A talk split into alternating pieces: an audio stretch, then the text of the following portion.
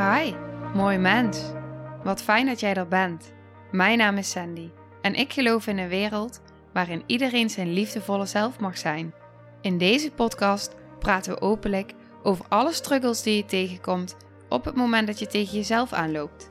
Vanuit mijn kennis en ervaring deel ik levenslessen en geef ik je inspiratie hoe jij vanuit pijn en angst weer voor liefde en vertrouwen kunt kiezen, zodat jij, dwars door het donker, de weg terug kunt vinden naar het licht in jezelf. Welkom bij de Liefdevolle Strijder Podcast. Hey, hallo. Wat fijn dat je weer luistert. Ik zit hier nu lekker in mijn praktijkruimte met een dekentje over me heen en ik heb mijn daspeldmicrofoon opgespeld en ik dacht ik ga gewoon even lekker kletsen. Want waar ik het met je over wil hebben is het innerlijk kind. En ik dacht altijd dat je één innerlijk kind hebt. Maar ik leerde dus op de lesdag van de lichaamsgerichte energetische opleiding dat je dus meerdere innerlijk, innerlijke kinderen hebt.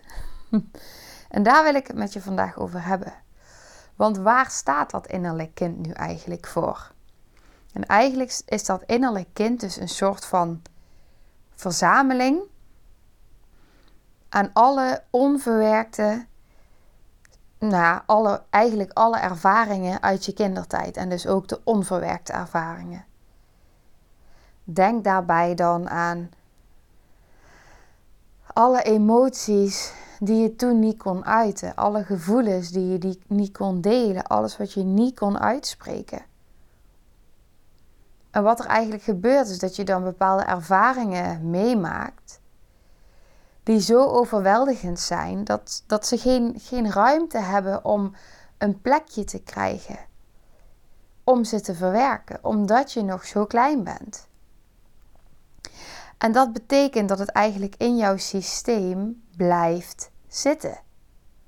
Totdat jij als volwassene terug kan naar die kindtijd, of naar dat innerlijk kind eigenlijk, om dat stukje te helen. Dus jij kan dat niet als kind doen, maar als volwassene kun jij dat wel doen. En nu zie je ook dat als je volwassen bent, dat jij bepaalde overtuigingen hebt, bepaalde patronen hebt, bepaalde overleefmechanismen, coping, die allemaal gebaseerd zijn op dat wat jij daar als kind besloot. Dus eigenlijk wil dat zeggen dat alles wat jij dus daar niet hebt verwerkt, dat het eigenlijk nu in het hier en nu in jouw dagelijkse leven nog steeds van invloed is. En heel vaak ben je daar niet eens bewust van.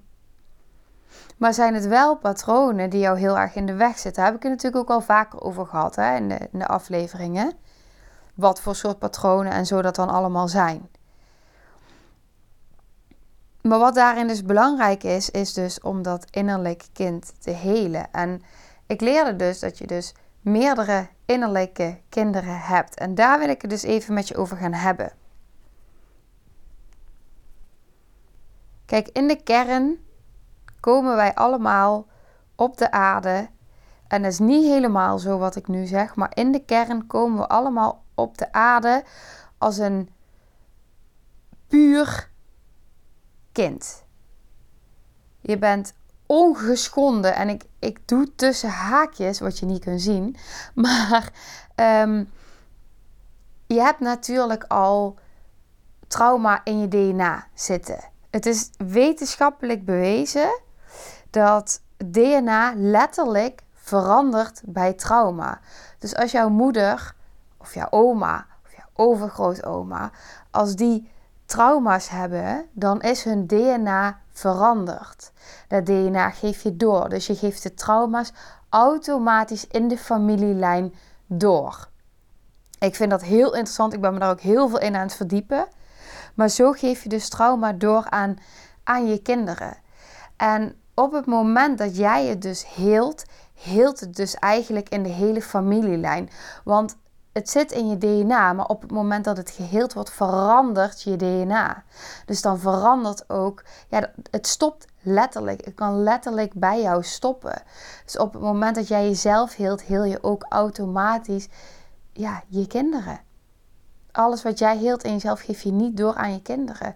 En het is zelfs zo dat op het moment dat als jij uh, ziet dat jouw kinderen bepaalde gedragingen gaan hebben die jij herkent van jezelf van vroeger, dat op het moment dat jij dan je innerlijk werk gaat doen en jij gaat helen in jezelf, dan kun je dus, en ik heb dat heel vaak gehoord van mensen die echt met heel veel mensen hebben gewerkt, dat, dat je dan dus ziet dat daar meteen een verschil optreedt bij die kinderen ook. Dat ook het gedrag van de kinderen verandert. En wat natuurlijk ook zo is, is als jij in een systeem zit en jij verandert iets in jezelf, verandert automatisch de rest mee. En dat is echt zo. Dat heb ik zelf ook ervaren. Dat op het moment dat ik zelf ging transformeren, dat ik ging veranderen, dat automatisch mijn partner mee ging veranderen. Zonder dat ik, uh, dat ik daar iets in stuurde. Want juist het niet sturen, juist niet de ander willen veranderen, maar je focus leggen op jezelf, dan gaat de rest daaromheen gaat met je mee. Maar goed, om dus even, we komen dus een soort van uh, ongeschonden op de aarde. Um, ja, met dus inderdaad wel al de trauma's, ook van de baarmoedertijd en dus van van je voorouders doorgegeven. Maar los daarvan, je bent puur. En je ziet het ook als je naar een kind kijkt. Je ziet hoe onschuldig en hoe vol vertrouwen een kind is. Hoe vol vreugde, hoe vol liefde, hoe vol joy. En ja, ik vind dat, ik, ik vind dat magisch. Als ik, als ik kijk naar een, een klein kind en ik kijk in de ogen, ja, die, die liefde, dat geluk, dat, oh, ik voel die helemaal. Ik vind dat, ja, dat ontroert mij en dat raakt mij en dat inspireert mij echt zo intens. Hoe dan ook. Als kind, als baby ben jij totaal afhankelijk en jij zit vol met behoeften. En die behoeften, die kunnen nooit volledig vervuld worden. Dat gaat niet. Je kan zoveel mogelijk doen. In de liefde, in de aandacht, in de voeding. Niet laten huilen. Er zijn, aanwezig, vooral aanwezig zijn. Ook niet alleen fysiek aanwezig zijn, maar ook emotioneel aanwezig zijn. Echt aanwezig zijn. Maar als je dan teruggaat naar die kern, die kern van dat babytje, hoe die op de wereld komt en wat die in de wereld komt doen, die zijn wij nog steeds. Die zit nog steeds in ons. Maar wat er gebeurt, is dat op het moment dat er dan dus pijn komt, hè, je, loopt als kind, je hebt zeg maar twee soorten trauma's. Je hebt het, het incidenttrauma, zoals iedereen het kent, het, impacttrauma, zo moet ik hem noemen, zoals iedereen het kent, het heftige trauma, uh, het trauma, een, een ongeluk, uh, nou ja, noem het allemaal maar op, oorlog, je kent het wel. Maar je hebt ook het ontwikkelingstrauma en dat heeft iedereen. Iedereen loopt pijn op. Op het moment dat je een keer graag je wil laten horen en er wordt tegen je gezegd je hebt niks te willen je wordt niet gezien of je wordt op dat moment niet erkend. Het, het kan heel klein zijn. Het kan hè, klein lijken. En, maar als dat vaak genoeg, die kleine dingetjes gebeuren, hè, op het moment dat er bijvoorbeeld ruzie is in huis en het wordt niet uitgesproken, en jij voelt in die energie wat er speelt, maar het wordt je niet uitgelegd en je begrijpt het niet en je denkt dat het aan jou ligt, dat het jouw schuld is. Wat ga je dan doen? Je gaat pleasen. Want jij wil dat je ouders zich goed voelen. Of misschien merk je wel dat de liefde tussen je ouders voorbij is. Dus wat ga jij doen? Jij gaat maar heel erg vervelend zijn, omdat ze zich dan op jou kunnen focussen, zodat ze zich niet meer op elkaar hoeven te focussen. Nou ja, er kan van alles zijn. Echt, het is oneindig veel wat er kan zijn, waardoor dat jij als kind pijn oploopt. Hè? Pijn in je emoties, pijn in je gevoelens. En dan komt dat gekwetste kind als een soort laag om dat pure kind heen. Dus als je het je voor probeert te stellen, je hebt de kern en daaromheen zit een hele laag van dat gekwetste kind. En gegarandeerd dat iedereen wel eens in zijn behoefte onbeantwoord is geweest. Of dat een keer een grens is overgegaan. Nou, dat kind, dat heeft dus pijn. En wat er dan dus gebeurt, is om dus niet daaraan uh, ja, uh, kapot te gaan, om het maar even zo te noemen. Ik weet even geen ander woord, maar om het ja, te overleven eigenlijk, om het aan te kunnen, om ermee om te gaan, de coping, uh, komt er dus eigenlijk een laag om dat gekwetste kind heen. Dus je hebt het pure kind in het midden, daaromheen komt het gekwetste kind en daaromheen komt nog een laag.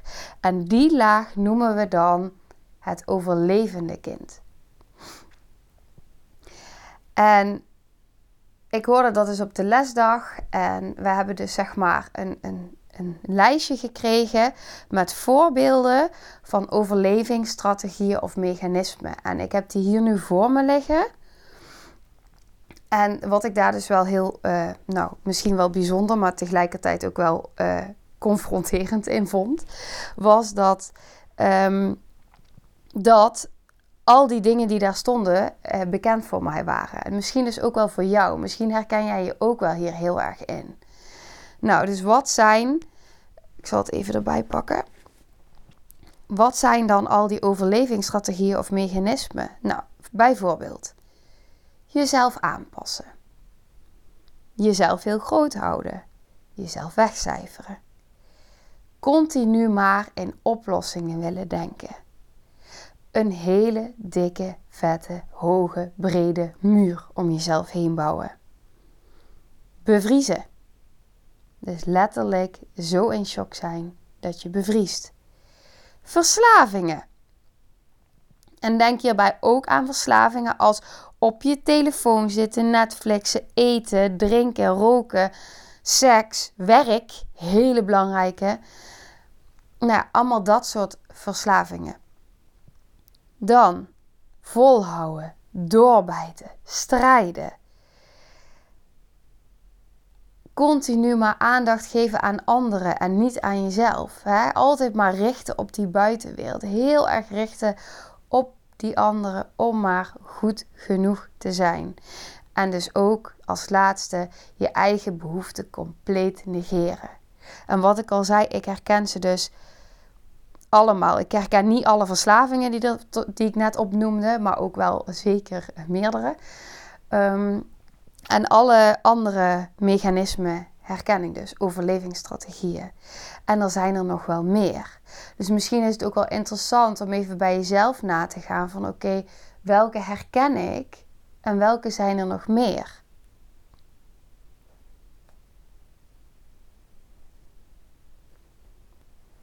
Nou, eigenlijk is dus dat gekwetste kind is dus eigenlijk gewond omdat hij dus iets heeft gemist.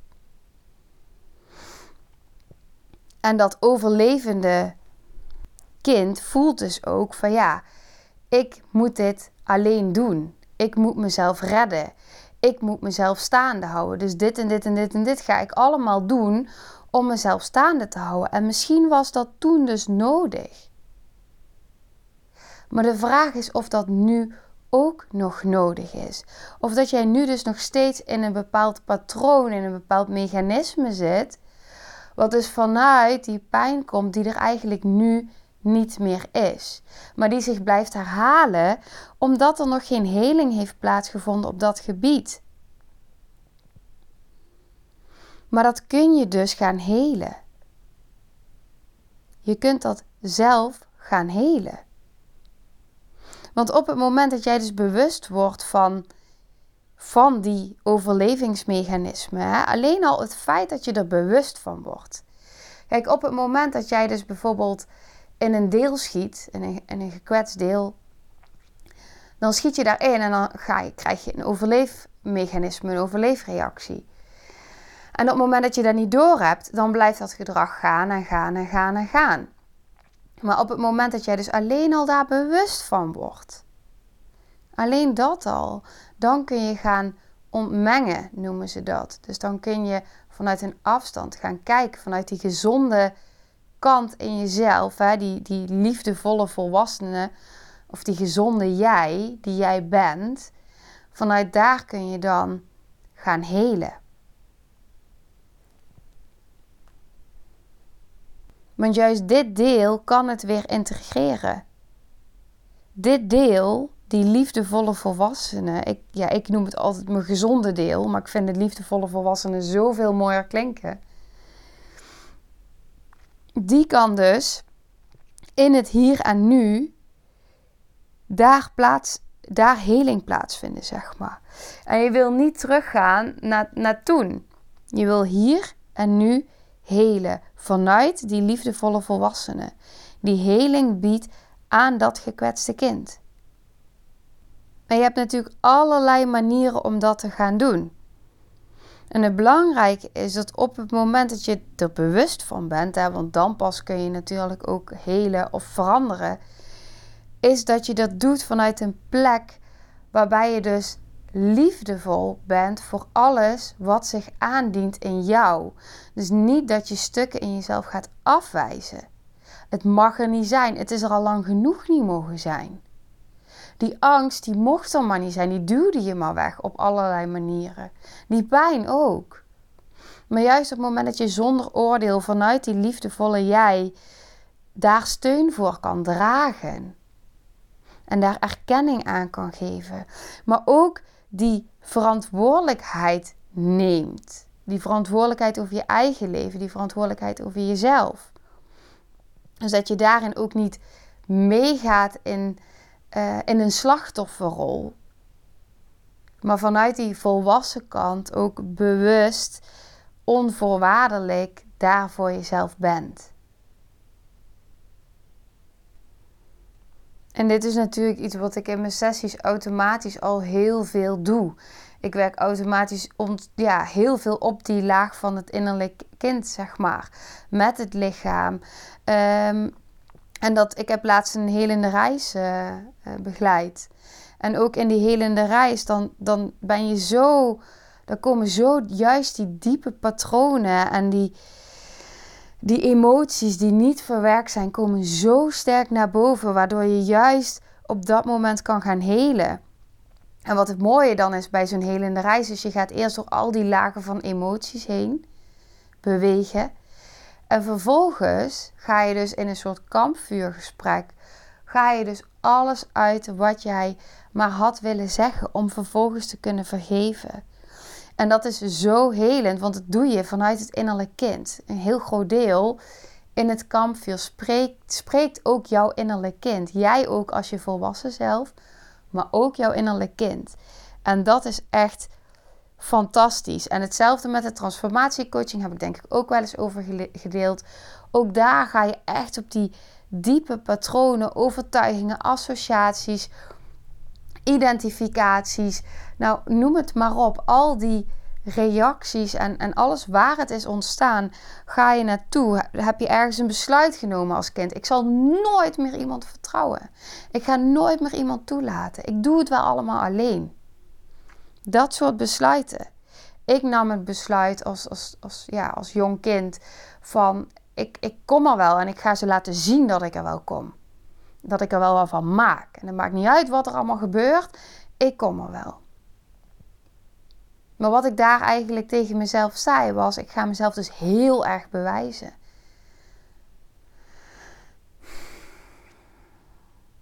Tegenover anderen. En dat is een enorme drijfsfeer geweest, hele lange tijd. Maar het heeft me dus ook heel erg tegen mezelf gekeerd. Omdat ik er dus niet mocht zijn. Ik mocht er pas zijn als ik er voor anderen was. En ik moest aan anderen laten zien dat ik goed genoeg was. Maar ik voelde niet in mezelf dat ik goed genoeg was. En dat soort dingen kun je dus super mooi gaan helen. En ik heb nu een, een opdracht voor jezelf, die ik ook heb gekregen, die ik ook nog ga doen. En misschien heb ik hem al gedaan nu deze podcast online staat, komt. Maar de opdracht is, en ik vond een hele mooie opdracht. Ga eens met jezelf zitten om jouw meest ideale ouder te beschrijven. Dus ga gewoon eens jouw ideale ouder beschrijven. En voel dan wat je daarbij voelt.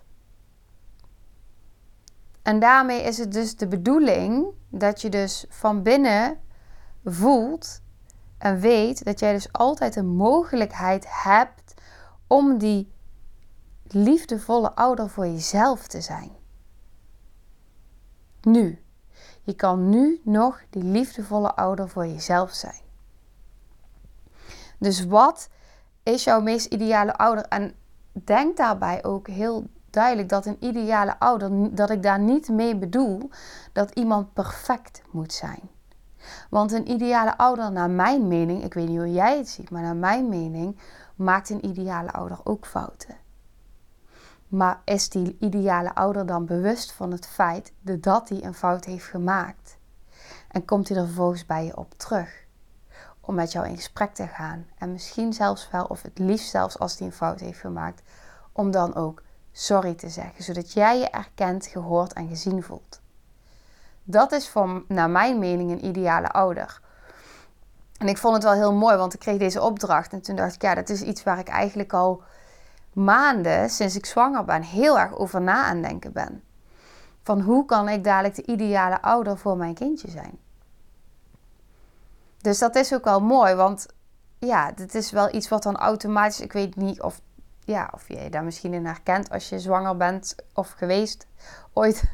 Maar dat, je daar dan over na gaat denken bij jezelf van oké, hoe, wil ik, hoe wil ik omgaan met mijn kindje? En wat wil ik vooral niet doen? En wat vind ik heel erg belangrijk om wel te doen? En, en ik spreek daar ook al over met Bram, dat we het erover hebben van ja, welke dingen willen we dan, ja, willen we absoluut niet zeggen en wat juist wel. En ja, ik denk dat ik daar al mee bezig ben. En ik vind het juist heel mooi om dan ook op die manier een switch te maken van hé, hey, ik kan nu wel heel erg gaan voelen en nadenken hoe ik de liefdevolle ouder voor mijn kindje wil zijn, maar hoe kan ik die ook voor mezelf zijn? En ook denk ik dat ik daar al heel veel stappen in heb gezet en dat ik dat eigenlijk al heel erg doe. Maar toch ga ik er wel nu mee aan de gang. En ik wil je uitnodigen om hetzelfde te doen. Want ik denk dat het heel veel op kan leveren. Vooral op het moment dat jij merkt dat je ergens in geraakt wordt. Dat er een, een stuk getriggerd wordt. En dat je dan op dat moment even die bewustwording hebt en denkt: hé, hey, wat heb ik nu nodig? In plaats van wat is het, het vermijdende of het copinggedrag wat ik altijd doe, hè? vanuit het overleefdeel. En niet ten negatieve van je overleefdeel, want die overleefdelen mag je ontzettend dankbaar zijn. Dat ze er zijn en dat ze dit allemaal voor jou hebben gedaan. En iedere dag weer dit allemaal voor jou dragen. En jou willen beschermen en jou willen helpen en steunen. Want dat is wat ze doen. Dus daar mogen we heel dankbaar voor zijn. Maar om vanuit daar dan ook te kijken van oké, wat, heb, wat hebben al die innerlijke kinderen in mij nu nodig? En hoe kan ik vanuit die gezonde, volwassen, liefdevolle zelf nu doen waar ik, waar die kinderen behoefte in hebben? En als je merkt dat, dat er bepaalde delen in jou in verstrikking raken, dus dat ze allemaal iets anders nodig hebben, is misschien ook wel leuk om een keer nog een aflevering over op te nemen. Op het moment dat jij merkt dat ze allemaal iets anders roepen in jezelf. Om dan jezelf de vraag te stellen: wat heeft het meest onveilige deel in mij nu nodig? En daar zit je antwoord. Want een overleefdeel zal zeggen ehm, dat je wil gaan vermijden. Maar een een, een gekwetst deel of een onveilig deel, die zal een andere behoefte hebben. En juist hoe meer jij vanuit die observerende zelf aanwezig kan zijn, hoe meer jij ook voor jezelf die keuze gaat krijgen. Want op het moment dat jij niet vanuit een observerende rol aanwezig bent, zit je er al in. Dus op het moment dat jij beseft van hé, hey, ik heb die observerende rol, dan heb je dus ook een keuze. Onthoud die. Oké, dit was hij voor vandaag. Dan wil ik hem nu gaan afronden. Ik hoop dat je hier iets mee kan. En ik wens je een hele fijne dag. In liefde. PS. denk, hoe ga ik dat nou doen? Ik wil eigenlijk nog even iets zeggen. nou, dan maar een PS. Um, ik zou het echt super, super, super waarderen als je een review wil achterlaten. Want je kan dus nu sinds kort op Spotify. Ik weet niet of ik het eigenlijk al heb gezegd. Maar je kan nu op Spotify echt super makkelijk een beoordeling achterlaten. Je gaat naar de podcastshow en heb je drie bolletjes aan de zijkant. En daar klik je op. En dan staat er show beoordelen. En het enige wat je hoeft te doen is een aantal sterren in te vullen. That's it. Dus als je dat voor mij zou willen doen, dat zou ik echt, echt, echt ontzettend waarderen. Dank je wel. Dank je wel voor het luisteren. Dank je wel als je dat voor me wilt doen. En tot de volgende aflevering. Nou, lieve mensen, ontzettend bedankt voor het luisteren. Ik ben heel benieuwd wat je van de aflevering vond en welk inzicht je eruit hebt gehaald. Mocht je nog vragen hebben of is er een onderwerp waar je meer over wilt weten, laat het me dan weten. En wie weet neem ik het mee in een van de volgende afleveringen. Als je het leuk vindt, kun je de aflevering delen. Of maak een screenshot en tag me op Instagram. Want ik vind het echt super tof om te zien wie er luistert. De link van mijn Instagram staat in de beschrijving bij de podcast. En wil je blijvend geïnspireerd worden? Klik dan op abonneer of volgen in de podcast-app waarmee je luistert. Dat zouden ik en alle toekomstige luisteraars enorm waarderen. Want dat zorgt er namelijk voor dat de podcast beter gevonden wordt. Nogmaals, dankjewel voor het luisteren en heel graag tot de volgende aflevering.